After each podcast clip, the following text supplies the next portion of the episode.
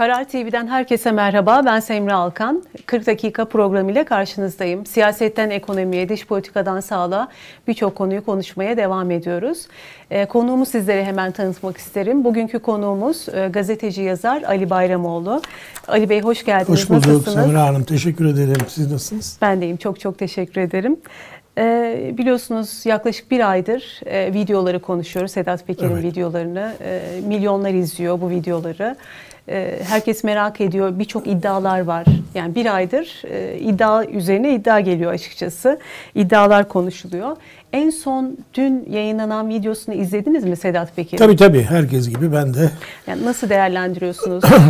yani devam ediyor tabii. E, ana hatlarında büyük bir değişiklik yok. Her açıklaması biraz daha zorba bir grubun e, siyasal olarak kullanıldığını ya da siyasi ilişkilerin içinde olduğunu e, gösteren bir resim karşımıza çıkarıyor. Bunu tabii e, bütünüyle e, sorgulamak lazım. Peker açısından bakıldığı zaman Peker'in açıklamaları gitgide zayıflıyor.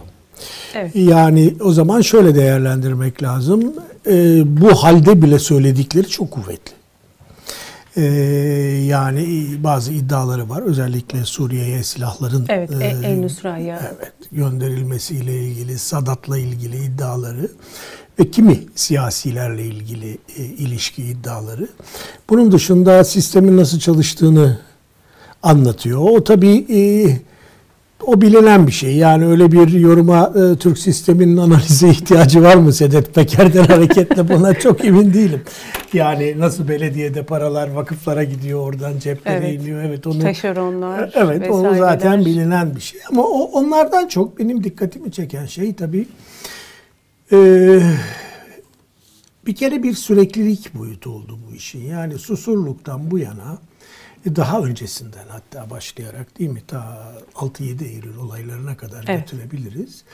E, devletin e, bu tür zorba kişileri, bunların bir kısmı yasa dışı, bir kısmı yasa dışı değil. Hatta Abdülhamit'ten beri siyasi alanda devlet çıkarı adı altında kullanması.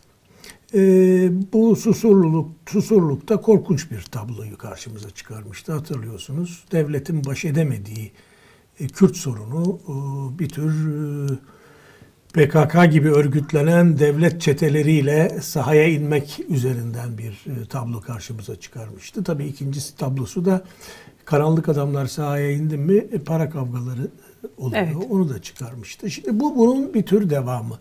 Yani Sedat Peker'in ilk söyledikleri daha önemliydi. Ne önemli geldi bana orada? Ve kera Hürriyet Gazetesi'nin basılması.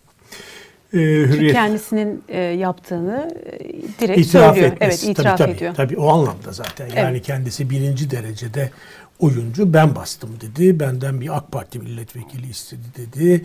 E, Demirören'e inip e, koltuğunda payım var dedi. Evet. Hakkım var dedi e, Aydın Doğan'ın hakkında zaten dava vardı. Adamın dükkan basılınca korku sardı dedi. Yani bu, bu daha daha ne desin?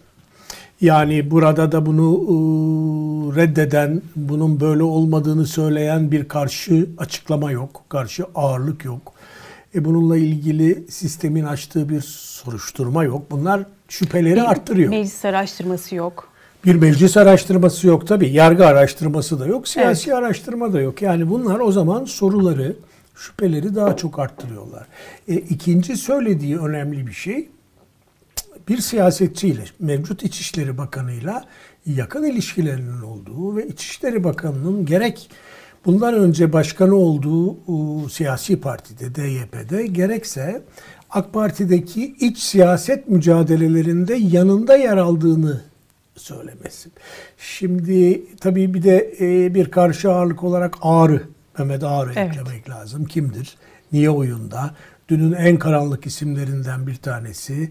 E karşımıza Berat Albayrak, Mehmet Ağar, öbür tarafta Süleyman Soylu, hmm, Sedat Peker gibi bir denklem çıkıyorsa bunun ne kadar vahim olduğunu siyasi hesaplaşmalarda e, ilke, akıl, rekabet kadar e, sopanın, e, baskının e, ahlak dışılığın devreye girdiğini bize gösteren bir husustu. Bu da ikinci önemli e, açıklamasıydı diye düşünüyorum. Yani açıklamalarını paket olarak alırsak. Evet bu bir aylık e, Evet. açıklamaları. Üçüncüsü de tabii e, bu silah meselesi. Evet. E, tabii bir sistem çok hassas. E, gazeteler çok hassas. Bunu bu şekilde yazmak bile mesele. Televizyonlarda söylemek bile mesele. Çünkü işte Can Dündar'ın e, daha önce MİT tırlarıyla ilgili karşı karşıya kaldığı durum ortada. E, Türkiye e, yurt dışında vekil güçler kullanıyor. E, bunları kabul de ediyor. Suriye'de e, işte Özgür Suriye ordusu onu desteklediğini e, ve e, hatta bazı bölgelerde Özgür Suriye güçleriyle dayanışma içinde olduğunu söylüyor. Yani burada gizli bir şey zaten yok. Aslında bir anlamda vekalet savaşları Tam Suriye'de. vekalet savaşları yani. Türkiye'ye vekalet eden orada güçler var. Evet. Bu güçlerin e, Batı tarafından e, nasıl söyleyeyim aşırı İslamcı, aşırı dinci, e, El-Kaide'nin devamı olan güçler olduğu iddiası var. E, bir. ikincisi Türkiye'nin e, buralara para ve silah yardımı yaptığı iddiaları Evet. var. Gerçi Sadat bunu hemen yalanladı ama Başka iddialardan Evet. bahsediyoruz. Bu Evet. iddialar Türkiye içinde oldu. Fakat Türkiye'nin e, gelmiş olduğu bu otoriter iklim e, bunu tekrar e, söylemeyi e, mümkün kılmıyor. Kanıt da insanlar zaten bulamıyor. Gazeteciler de bulamıyor. Buldukları zaman da ne tür işte devlet sırrını ortaya çıkardın diye bir risk de e, karşınıza çıkabiliyor. Böyle bir tablo var ama batıya baktığımız zaman e, Semra Hanım bu çok hafife alınacak bir iddia değildi. Şimdi Sedat Peker'e geleceğiz tabii de. tabii.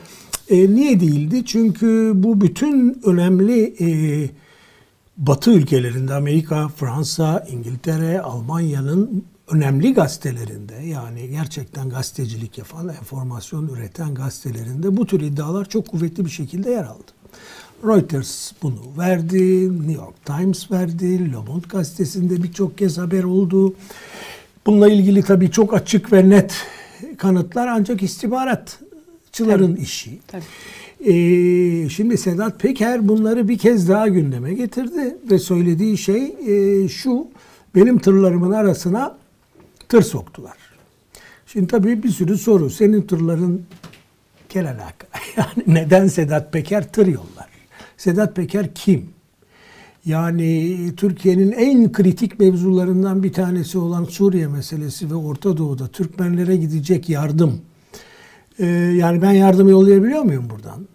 Ee, kolt tabanca mı varsa yok tabii öyle bir şey. Veya ne bileyim e, yiyecek böyle bir şey olur mu? Yani bu bile bize Sedat Peker gibi insanların sistemin içinde nasıl hareket ettiğini gösteriyor. Bu şu da demek. Sedat Peker'in topladığı paralar nasıl toplanan paralar? Gayri meşru yollardan ya haraç ya da başka bir şey. Bu paraların sisteme akması demek. Yani e, sistemin parçası olması demek Evet. bu karanlık paranın. E tabi çok daha ciddi bir iddia var. E, benim haberim yok ama silah gönderdiler. Yani haberi var yok. O da bir ayrı tartışma konusu. Nasıl haberi yok? E, bunların hepsini e, masaya yatırdığımız zaman açıkçası işin kalbine geldi geldi vurdu. E, Şimdi e, devam edeyim? Soruların var mı önümde? Ee, Ben böyle başladım mı şöyle, susmam da. Siz yurt dışı tarafını söylerken bir ek e, bu e, The Week dergisinde en son sayısında Evet. bir makale var e, yayınlandı. Söylediğiniz gibi birçok gazetede e, yurt dışı basında yayınlanmış vaziyette. Diyor ki İstanbul'un kayıt dışı ekonomisinin 2015'te 3 milyar dolardan 2020'de 10 e, milyar dolara büyüdüğü söyleniyor. Hani o kayıt dışı Şimdi taraf. bu iddia doğru mu bilmiyorum. Ee, yani yani doğrulayamayız bize. makalede Büyük yazılan, paralar evet. bunlar. Eğer bunun ıı, o rakamın yüzde beş doğruluğu varsa korkunç bir şey. Evet. Yani bu ne demek? Sizin devletinizin artık mafya devlet olmaya doğru ıı, gittiği yani en azından böyle tanımlanacağı siz bunu kabul etmeseniz bile demek. Yani e, uyuşturucu paraları, oradan alınan rüşvetler, e, İşte o Venezuela, Kolombiya, bir Kolombiya taraf, o- ilişkileri. o- Şimdi bunları bilmiyoruz tabii Evet. ama böyle bir boyut var. Yani e, siyasi ilişkiler içerisinde zorba kuvvetler, e, mafyanın ürettiği paranın sisteme akıyor olması, e, mafya ile sistemin e, sadece siyasi ilişkiler açısından değil, devlet politikası bakımından da aynı susurlukta olduğu gibi işbirliği yapıyor olması, bütün bunlar tabii karşımıza böyle karanlık bir alanı çıkarıyor. Burada tabii en korkutucu şeylerden biri, e, biri demeyeyim ikisi şudur. E, biz genel olarak bugüne kadar e, hikmet hükümet adı altında devlet kurumlarının ya da kimi devlet aktörlerinin örtülü bir şekilde kullandığı gruplar, kullandığı kişiler, kullandığı suçlularla ilgili bilgiye sahibiz.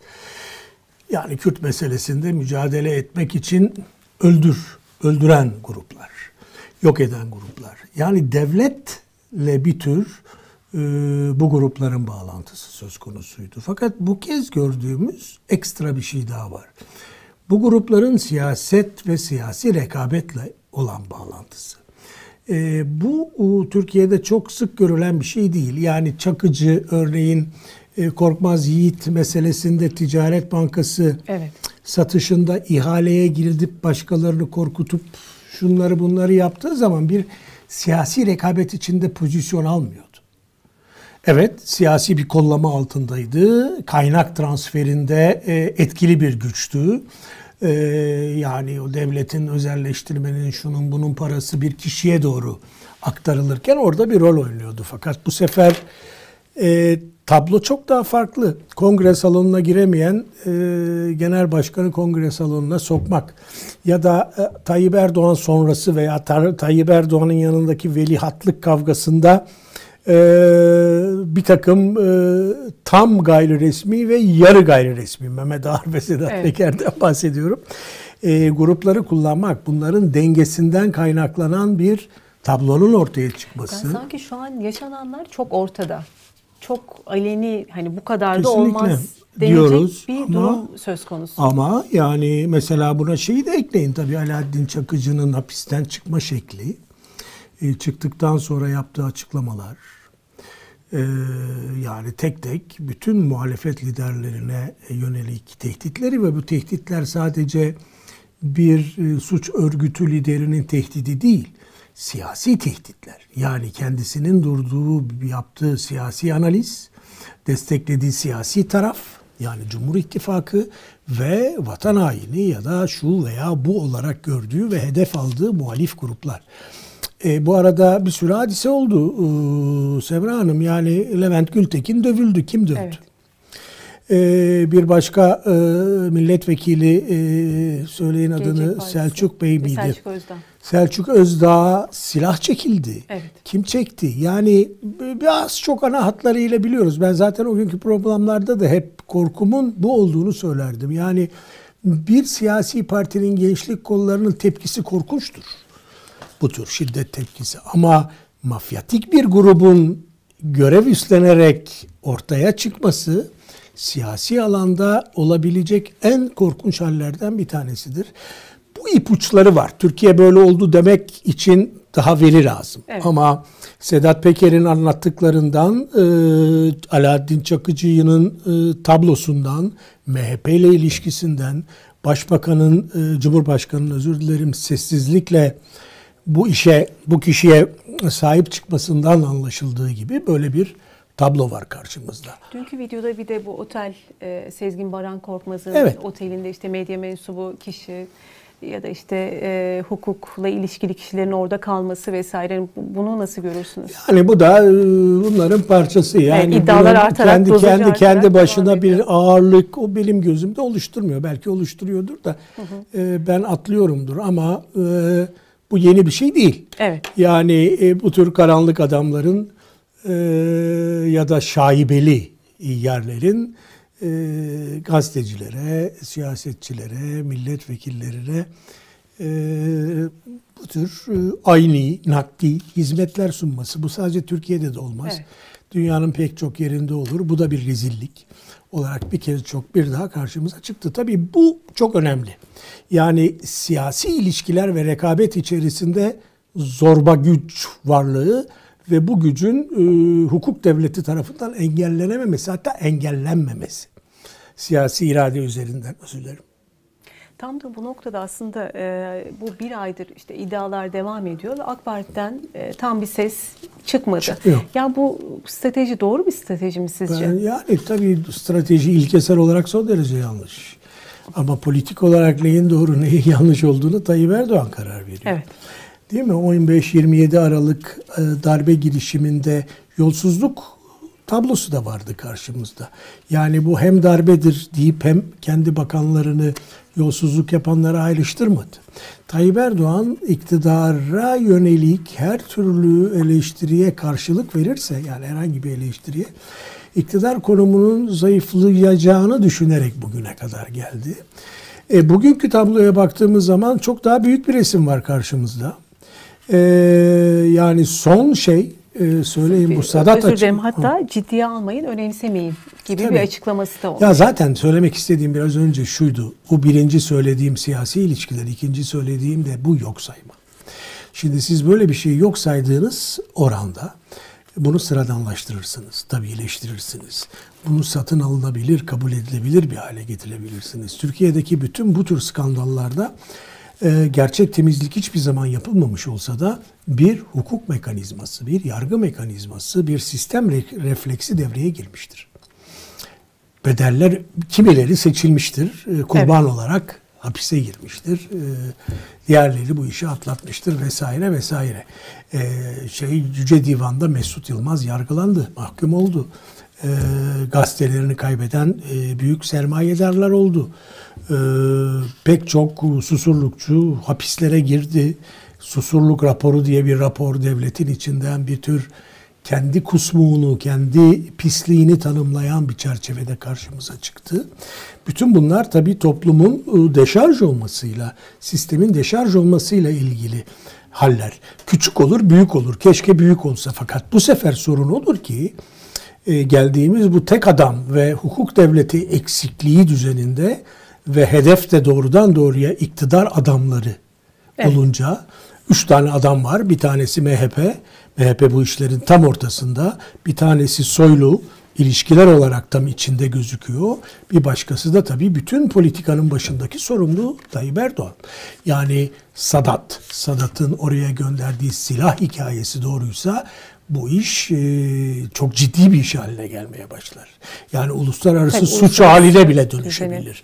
Dolayısıyla e, burada bir e, çok e, yönlü bir dizi e, nasıl söyleyeyim ortaya koyan e, tabloyu ifşaat var ve sistemin başındaki kişi bunları bastırıyor. Tayyip Erdoğan bunları bastırıyor. Bunların tartışılmasına müsaade etmiyor. Bu tür e, bir sorgulamanın yapılmasına da müsaade etmiyor. Malum e, beyefendiyi bekledi Türkiye yani Cumhurbaşkanı'nı bekledi. Uzun süre ne reaksiyon verecek diye. Savcılar dava bile açmadılar. Böyle bir hukuk devleti olabilir mi? Hatta TRT'ye TRT'ye çıktığında hani hepimiz e, programın karşısına geçtik. Bekledik Geçtik, hani bekledik. acaba yani bu, bu tabii padişahın cümle gelir fermanı, kelamı gibi bir şey olmaya başlıyor. Ki kaldı ki bizim padişahlık düzenimizde bile bu böyle değildi. Yani belki ilk dönemlerde tam mutlak patrimonyal dönemlerde böyle olabilir ama son dönemler Abdülhamit böyle bir şey yapamazdı. Ki o Abdülhamit. Yani anayasayı askıya almış Abdülhamit. Herkes sustu ve bekledi. Hukuk devleti, hukuk sistemi hiçbir şekilde çalışmadı ve sonuç olarak talimatını verdi. Talimat önemsemeyin, ciddiye almayın.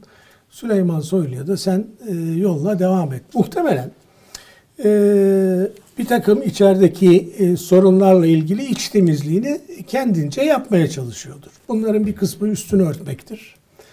Sadat işi doğruysa bir kısmı da Soylu meselesinde olduğu gibi zamanı gelince bunun faturasını bir tür Soylu'ya Tayyip Erdoğan çıkaracaktır. Yani reorganizasyon anlamında mı söylüyorsunuz? Şöyle yani söylüyorum. partinin içinde E, tabii yani şunu yaptı hep mevcut siyasi iktidar.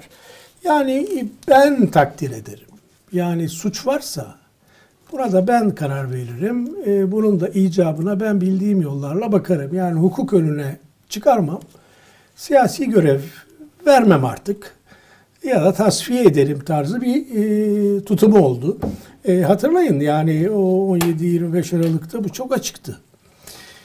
E, bütün e, o bakanlar görevden alındılar. Siyasetin dışında bırakıldılar. Daha Evet. sonra bir tanesi e, büyükelçi Büyükelçi. yapılsa da Ee, yani böyle bir e, korkunç bir mekanizma var. Yani bu aşırı patriarkal, hukuk devletiyle alakası olmayan, şeffaf olmayan, Hesap e, olmayan. liderin kendi kendine hesap sorduğu, içeride bunu hallettiği bir mekanizma.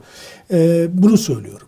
Yani şunu yapabilir, zamanı gelince Soylu gider. Muhtemelen Soylu'nun da artık siyasi ömrü eskiden olduğu gibi velihat olarak e, sürmeyecektir diye düşünürüm. E, bazı tablolar açığa, bazı ilişkiler açığa çıktığı oranda. Fakat tabii Cumhurbaşkanımızın siyaset anlayışı kadar sorunu oluşturan mesele Cumhurbaşkanımızın siyasi ilişki anlayışı da bir sorun. Yani bunu her geçen gün birazcık daha fazla görüyoruz. Yani ben bunun böyle olmadığını uzun zaman umdum. Ama e, en formel güçlerle, bu mafya gücü olarak söylemiyorum.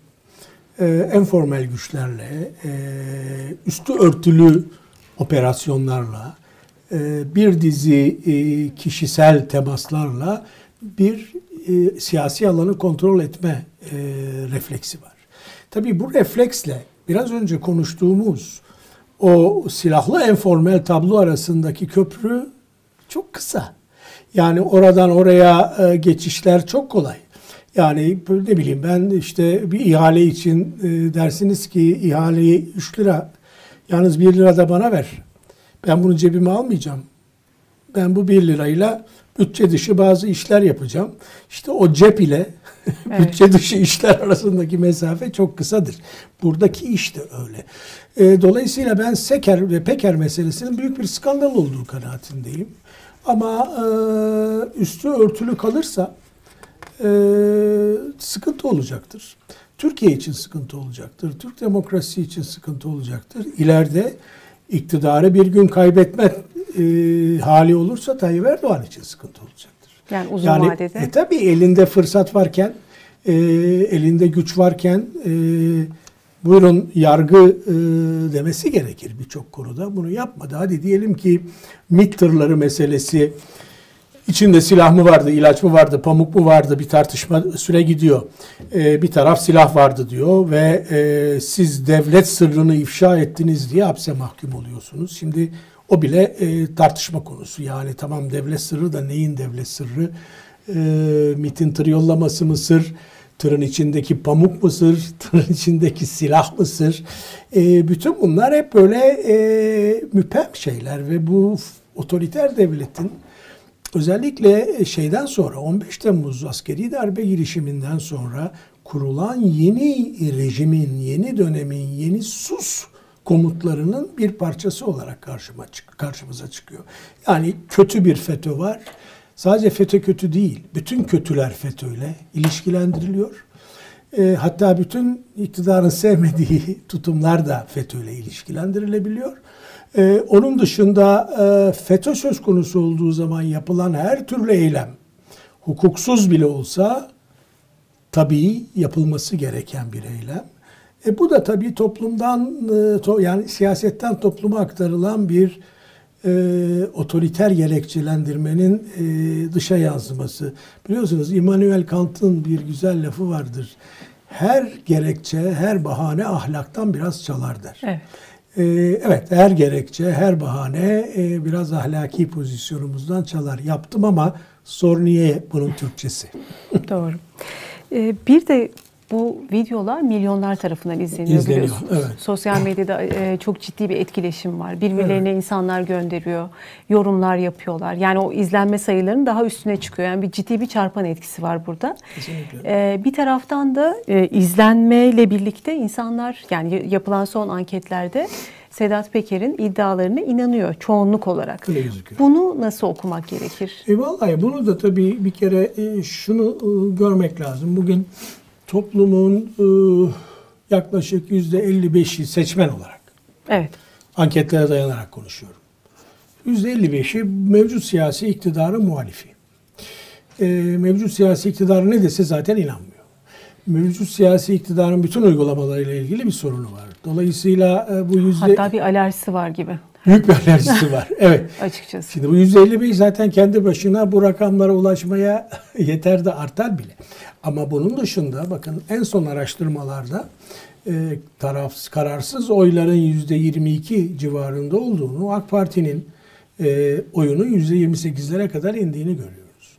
Şimdi tabii tarafsızlar, kararsızlar vesaireler dağıtılınca rakamlar biraz oynar ama şu anda e, AK Parti'nin siyasi iktidarın e, seçmen kitlesinin sadece üçte birini kontrol ettiğini, bu üçte birinden de pek emin olmadığını, bu üçte birinden de fire verilebileceğini görüyoruz. Dolayısıyla orada pek çok soru, sorgu sadece muhalif kesimde değil, sistemle ilgili memnuniyetsizlikler, sorgular e, devreye giriyordur ve izlenme oranlarını bu şişiriyordur. Bir de şunu dikkate alın, bütün kapalı toplumlarda biz bir kapalı toplumuz artık. Biz bir kapalı rejimiz.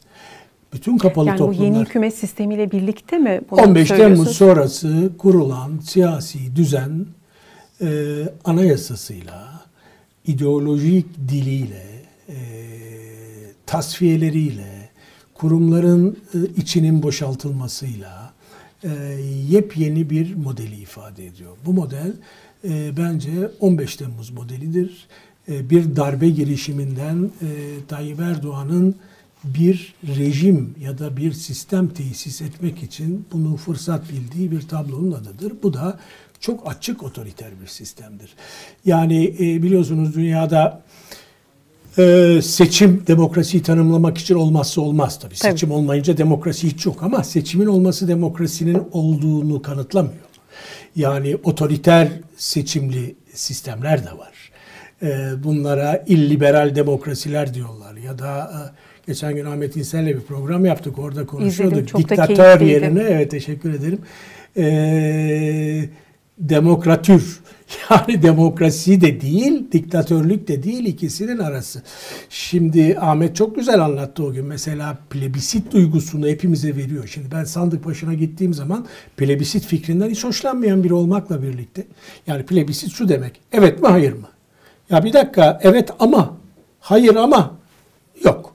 Ya evet ya hayır. Neyse ne. Ee, neyse yani önüme bunu koyan kim? Onlar evet ya da hayır dememi e, söyleyen onlar. Şimdi ben buna karşı olsam bile e, bu mevcut sistemde oyumu Tayyip Erdoğan gitsin diye atacağım. Kişisel olarak. E, dolayısıyla tam bir plebisiter davranacağım.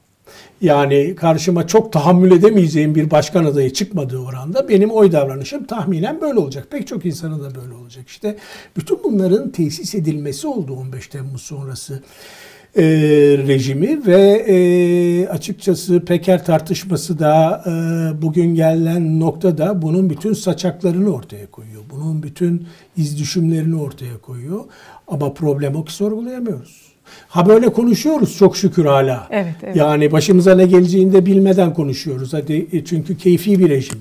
Siz her şeyi söylüyorsunuz bir şey olmuyor. Başkası şu kadarcık söylüyor. Adamı alıp e, götürüyorlar. Kime ne ne zaman olacağını da e, yukarısı e, kanaatleriyle takdir ediyor. E, hiç olmazsa bunları söyleyebiliyoruz. Bunlara da şükür o eleştirilerimizi yapabiliyoruz ama bu tablo iyi bir tablo değil, karanlık bir tablo. Şimdi siz e, modeli anlatırken e, şöyle bir e, size anlatırken şunu düşündüm. Bu e, modelle birlikte yani bu süreçte 15 Temmuz sonrası yeni hükümet sistemiyle birlikte e, kapalı bir sistem diyorsunuz. E, yönetim, kapalı toplum. Ka- evet. Kapalı toplum. Yönetim tarafından sisteme şöyle bir baktığımda genelde hep kişiler konuşuluyor. Bu olayda bile şu kişi, bu kişi şu şöyle yapmış, bu böyle.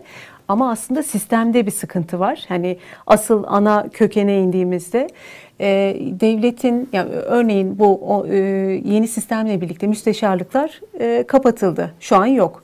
Evet. Burada bir kurumsal hafıza gidiyor aslında. Yani çok ciddi şekilde hani orada yılların çok bir birikimi, çok. bir e, ciddi bir birikim var. O tecrübe nereye gitti? Örneğin ya da kurum kültürü e, bu 15 Temmuz'la birlikte doğal olarak darbe sonrası birçok insan e, devletin içinden e, gitti. Sonrasında yenileri geldi. İşte kurum kültüründe de bir e, Aslında bu benim söylediğim oldu. rejimin ruhunu tanımlıyor. Yani içeride bir e, ciddi Hı. bir sıkıntılar var aslında ve Tabii, sürekli dezenstitüsyonalizasyon denilen evet. yani kurumlardan arındırma, kurumların ağırlığını ortadan kaldırma, kurumların etkinliğini ortadan Zaten kaldıran şu an kurallar, işleyiş. kurumlardan ziyade o yüzden biz Kesinlikle. sürekli şahısları konuşuyoruz. Kesinlikle. Şu kişi şunu dedi, şu şu iddia, bu iddia ama asıl buzdağının altında yatan çok ciddi e, gördüğümüz kadarıyla sıkıntılar yani bu var. da mesela çok e, çalışılamıyor. Yani akademisyenlerin ben Çok ciddi bir aslında bu e, çok güzel bir doktora tezi olabilir. Doktora tezi de olur. Yönetimciler açısından. Makaleler yazılabilir tabii yani bu dediğim gibi artık biraz e, endişe eden bir toplumuz. Evet. Hocalar da endişe ediyor, gazeteciler de endişe ediyor. Yani bu söylediğiniz şey o kadar önemli ki. Ee, yeni anayasayla birlikte karşımıza e, geleneksel devlet sisteminin kimi iyi kimi kötü işleyen geleneklerinin ve kurumlarının çözülme sürecini e, yaşamaya başladık. E, mesela örnek verelim Dışişleri Bakanlığı'nın yanında bir de Beştepe'de bir Dışişleri grubu var. Şimdi adını tam hatırlayamıyorum resmi adını. Yetki karmaşası var orada mesela. Kim Şimdi hani kim neyle hangi ilgili? yetkiyi kullanıyor? Görev tanımı. Evet, gelenekler bozuluyor. Mesela bugün %18, %20'ye vardı Dışişleri Bakanlığı'nda dışişleri mensubu olmayan dışarıdan atamaların e, oranı. E bu tabii e, ta Osmanlı'dan beri son derece önemli ve güçlü bir dışişleri geleneğine sahiptir Türkiye. Bunu biz değil, bunu Yunanlılar söyler, bunu İranlılar söyler, bunu Avrupalılar söyler. E bunun içini boşaltıyoruz.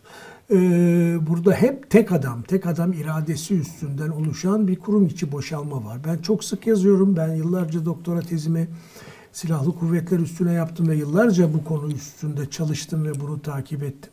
E, şu andaki silahlı kuvvetler yapısı başka bir e, erozyon tablosu karşımıza çıkarıyor. Ne tür bir doku, nasıl bir yapı bunları hiç bilmiyoruz. Yani 15 Temmuz sonrasında. Sonrasından bahsediyorum tabii. Yani sadece bakanlığın değil bir bakanın orduyu kontrol altında tutması, bakanı da bir kişi yani kişiler arası ilişkiler üstünden giden bir tablo var karşımızda en azından bir tarafıyla. Tabii bunların asıl gönderme yaptığı şey Semra Hanım şu aslında. Bir sistemde çağdaş bir sistem. İkinci Dünya Savaşı'ndan sonra demokrasi çok yol aldı da hiç yol almamış olsaydı bile iki tane temel esas demokrasi için değişmez. Bunlardan bir tanesi seçimdir. Evet. Hiç şüphe yok.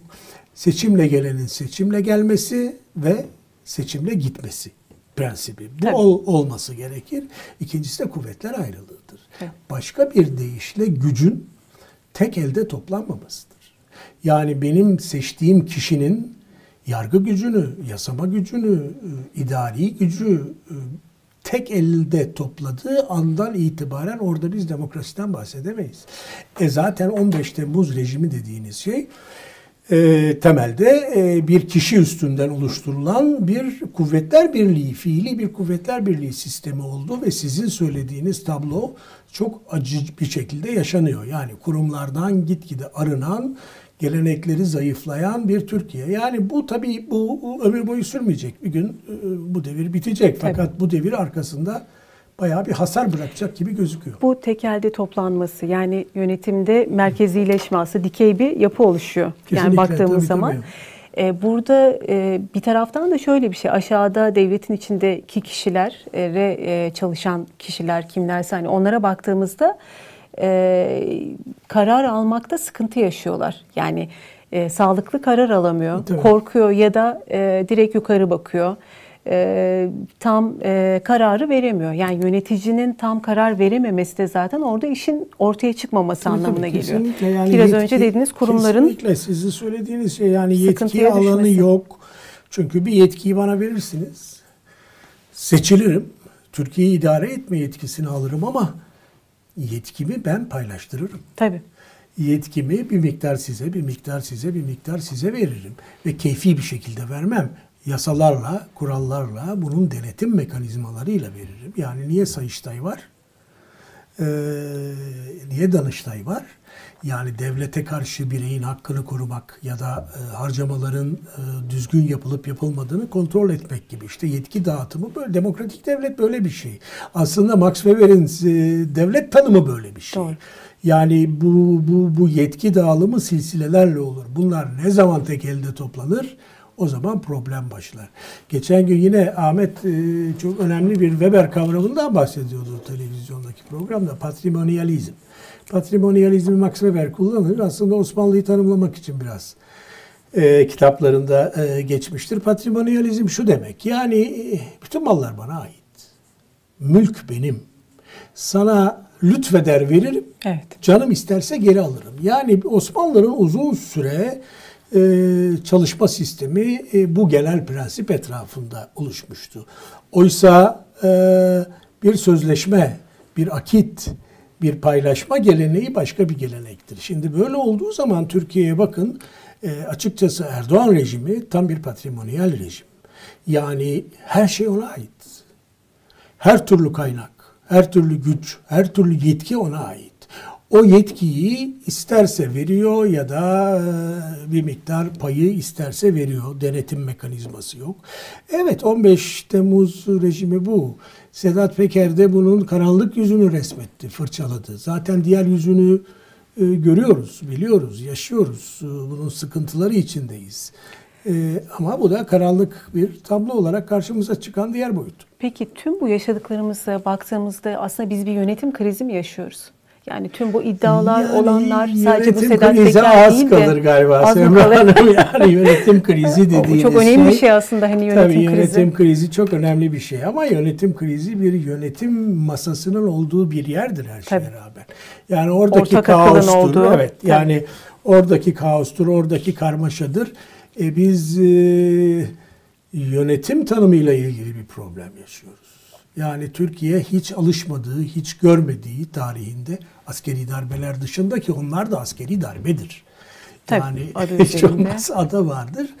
Bir e, tabii bir tek adam, tek boyutlu e, kuvvetler birliği sistemine geçiş yaptı. E, e, bunu nasıl e, koruyabiliyor hala? İşte bizim ülkemiz malum kültürel kavgaların çok olduğu ülke.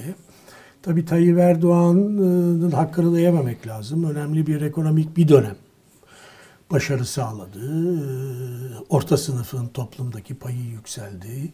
Toplumdan dışlanmış kesimler e, diğerleriyle eşitlendiler. Hem devlet kaynakları hem iktisadi imkanlar açısından.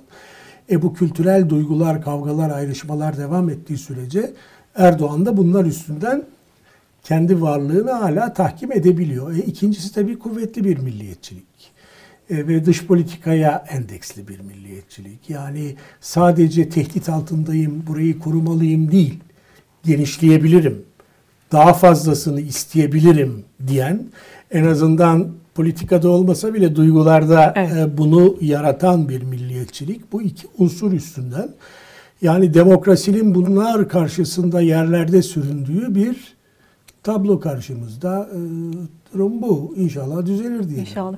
Şimdi bir de e, dışarıda da ciddi sıkıntılar yaşanıyor. Yani Türkiye dışında da e, bir basınç var. İşte salgın başta olmak üzere e, Evet. salgın devam ediyor. Türkiye'de zaten hepimize etkiledi aslında. E, bu taraftan baktığımızda yani ittifaklar tam kurulamıyor. İşte Çin faktörü var. Hep bunu konuşuyoruz. Tabii. Acaba dışarıdaki e, yaşanan bu e, basınç da şu an yaşadıklarımızı etkiliyor mu? Bence yani iç içe muhtemelen. Çok doğru bir e, soru yani çok doğru bir soru derken cevabı da içinde aslında. Estağfurullah. Evet. Ee, böyle etkiliyor tabii. Yani pek çok ülke gibi Türkiye'nin de e, siyasi belirleyenleri e, üç büyük halkadan oluşur. Bunlardan bir tanesi toplum siyaset ilişkisidir. Yani toplum kimi seçecek?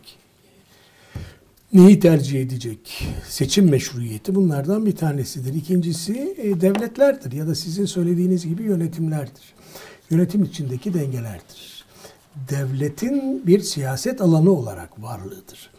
Ee, bazı ülkelerde bu kurumlarla karşımıza çıkar. Mesela Fransa'ya baktığınız zaman kurumsal gelenek o kadar kuvvetlidir ki Evet.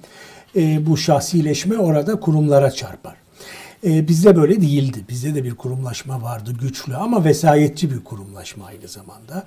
E, asker faktörü devletin içinde çok kuvvetliydi ve siyasi alanı biraz asker sivil çatışması belirlerdi. Üçüncü unsur da dış dünya. O kadar önemlidir ki bu ilk saydığım iki faktörü onlar kuşatır. Yani o dış dünyadaki ilişkiler kuşatır. Şu anda dünyaya baktığımız zaman Türkiye'ye model sunan demokratik, büyümeye yönelik model sunan bir dünyada yaşamıyoruz. Bütün modellerin tam tersine kendi içinde kriz yaşadığı bir dünya bu. Neoliberal ekonominin yani aşırı kopuşların yaşadığı bir kriz var. İşte e, demokratik değerlerin, liberal değerlerin yaşadığı bir kriz var. Çeşitli nedenleri var bunun. Yani aşırılıklar, göçmenler, e, kültür çatışmaları, kültür kavgaları, e, bütün bunlar dünyada e, bir e, popülist ya da otoriter bir dalgayı üretmiş durumda. Daha besliyor bu dalgayı. Aynen yani iki dünya savaşı arasında bunu yaşamıştı dünya ve faşist rejimlerle sonuç olarak e, hikaye ilerlemişti. Bugün o noktada değiliz. Hiçbir zaman da olmayız umarım. Ama bir taraftan baktığımız zaman hakikaten bu o, otoriterleşme dalgaları hem Batı merkezinin içinde hem periferisinde bizim olduğumuz yerlerde bir de tabii Çin gibi, Asya gibi, e, Kore gibi e, başka büyük güçlerin üremiş olduğu alanlarda e, açıkçası demokratik değerler, ilkeler çok büyük bir erozyon yaşıyorlar. Bunun tabii Türkiye'yi etkilememesi düşünülemez. Düşünülemez. Yani Türkiye'den beklentiler artık demokratik değil. Türkiye'den beklentiler daha güvenlikle ilgili. E, Türkiye'nin yaptığını zaten e, Orban da yapıyor Macaristan'da. Tabii. Belki biraz daha farklı. E, dolayısıyla evet katılıyorum size. O üç halkadan en önemli halka bugün itibariyle dünyada olup e, biten. Peki bu tüm bu olanlara baktığımızda içeride bir siyasi tıkanma var aslında. Yani böyle diyebiliriz herhalde. Bu diyebilirim. Neyi kastettiğinize bağlı? Yani hani siyasette e, bir politika üretememe, bu e, bir yol evet. alamama, e, muhalefetin belki hani orayı da e, girmek istersiniz. Yani, yani nasıl bir çıkış yolu olacak? tıkanma var ama yani şimdi şöyle bir e, dönemdeyiz. Yani iki tane büyük faktör var. Tabii bir insanlar e, yeni bir dil, yeni bir bakış, yeni bir gelecek vaadi beklerler. Siyaset böyle bir şeydir. Zaten Türk tarihinde bunu söyleyebilen liderler iktidara gelmiştir. Ecevit'ten alın, e, Menderes'ten, Demirel'den evet. Erdoğan'a kadar. Fakat bunun yanında bugün çok daha büyük bir sorun var. Ee, erozyona uğrayan bir Türkiye ile karşı karşıyayız. Yani bütün dengeleri bozulan, e, otoriterliğin daha çok keyfiliğin içinde kavrulan bir Türkiye. Şimdi muhalefetin siyasi algısı e, yeni bir Türkiye'nin inşa edilmesinden çok bugün itibariyle bu mevcut siyasi iktidar anlayışının Türkiye'den uzaklaşması ya da iktidardan uzaklaşması üstüne olan bir motivasyon. Böyle olduğu zaman tabii e, işimiz gelip nasıl yeni Türkiye'yi inşa edeceğiz sorusundan önce e, işimiz nasıl olacak bu e, mevcut siyasi rejimden Türkiye evet. kurtulacak sorusu oluyor muhalefet için. Böyle olduğu anda da tabii temel mesele e, siyaset olmuyor. Yani eğer siz siyasetten toplum, insan, gelecek, e, hizmet, e, yeni tanımlar bekliyorsanız hayır böyle bir tanım yok. Tam tersine restorasyon arayışı var. E, muhalefeti belirleyen bu. Siyasi tıkanıklık görüntüsü veren bu. İkincisi işletme açısından bir siyasi tıkanıklık olduğunu düşünüyorum. O da şu, e, iktidar tek parçalı bir yapı. E, yani Bahçeli ve Erdoğan birbirlerine çok muhtaç ve birbirleriyle muhtemelen seçimlere kadar kopmayacak bir bütün oluşturdular. E, ama tek parçalar ve tek aday var, tek lider var. E, bu taraf öyle değil. Yani muhalefet alanına baktığınız zaman beş Par- parça var. Parçalı değil mi? yapı, evet. CHP var, İyi Parti var. Iki Yeni gelen partiler var. SP var, Deva var, HDP var. var. Evet. Yani 5-6 parça halindeler. Bu 5-6 parça nasıl bir araya gelecek? Bu 5-6 parça nasıl bir tek aday üretecek? E, bu 5-6 parça nasıl bir tek gündem yani restorasyon gündemi üretecek sorusu karşımızda ve tabii HDP meselesi, Kürt meselesi muhalefeti kilitleyen şu anda en önemli faktörlerden biri. Bu PKK, HDP yakınlığı, e, kanaatinin yaygınlığı, bunu siyasi partilerin kuvvetli bir şekilde İyi Parti'nin örneğin bir kırmızı çizgi olarak kullanması e, bütün bunlar bir araya gelişi zorlaştırıyorlar. Yani şöyle söyleyeyim size. Bugün nedir oy oranları? Bugün seçim olacak olsa ve biz mevcut anketleri seçim neticesi kabul etsek 55-45. Evet 45 55. Yani arada 10 puan var. Peki buna HDP dahil mi? Dahil. Peki HDP'yi siz sisteme almazsanız HDP seçmeni ne yapar bilmiyoruz. Kamuoyu araştırmalarını yapan kişilerin tahminleri en aşağı yarısı fire verir.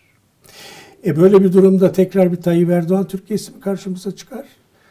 E, muhalefet mi iktidara gelir gibi kocaman bir e, muallakta olan bir soru var. O zaman şunu da söyleyebiliriz. Sadece politika üretme bakımından değil, bir ittifak üretme bakımından da şu anda muhalif alanda bir tıkanıklık var. Evet, bunu söyleyebiliriz. Yani ciddi bir dönemeç içindeyiz. Ben onu Bence de. söylüyorum. Dünya olarak da ülkemiz olarak da ciddi bir Kesinlikle. dönemeç içindeyiz ve siyasi liderlere de çok e, iş düşüyor açıkçası. Görünen o. Aynen. E, Ali Bey çok teşekkür Rica ederim. ediyorum. E, süremizi tamamladık. Çok keyifli bir e, program oldu. Benim Her zaman de. sizi bekleriz. Çok çok sağ olun. Teşekkür, Çok teşekkür ederim. ederim. Çok sağ olun. E, çarşamba günü aynı saatte görüşmek üzere. Hoşçakalın.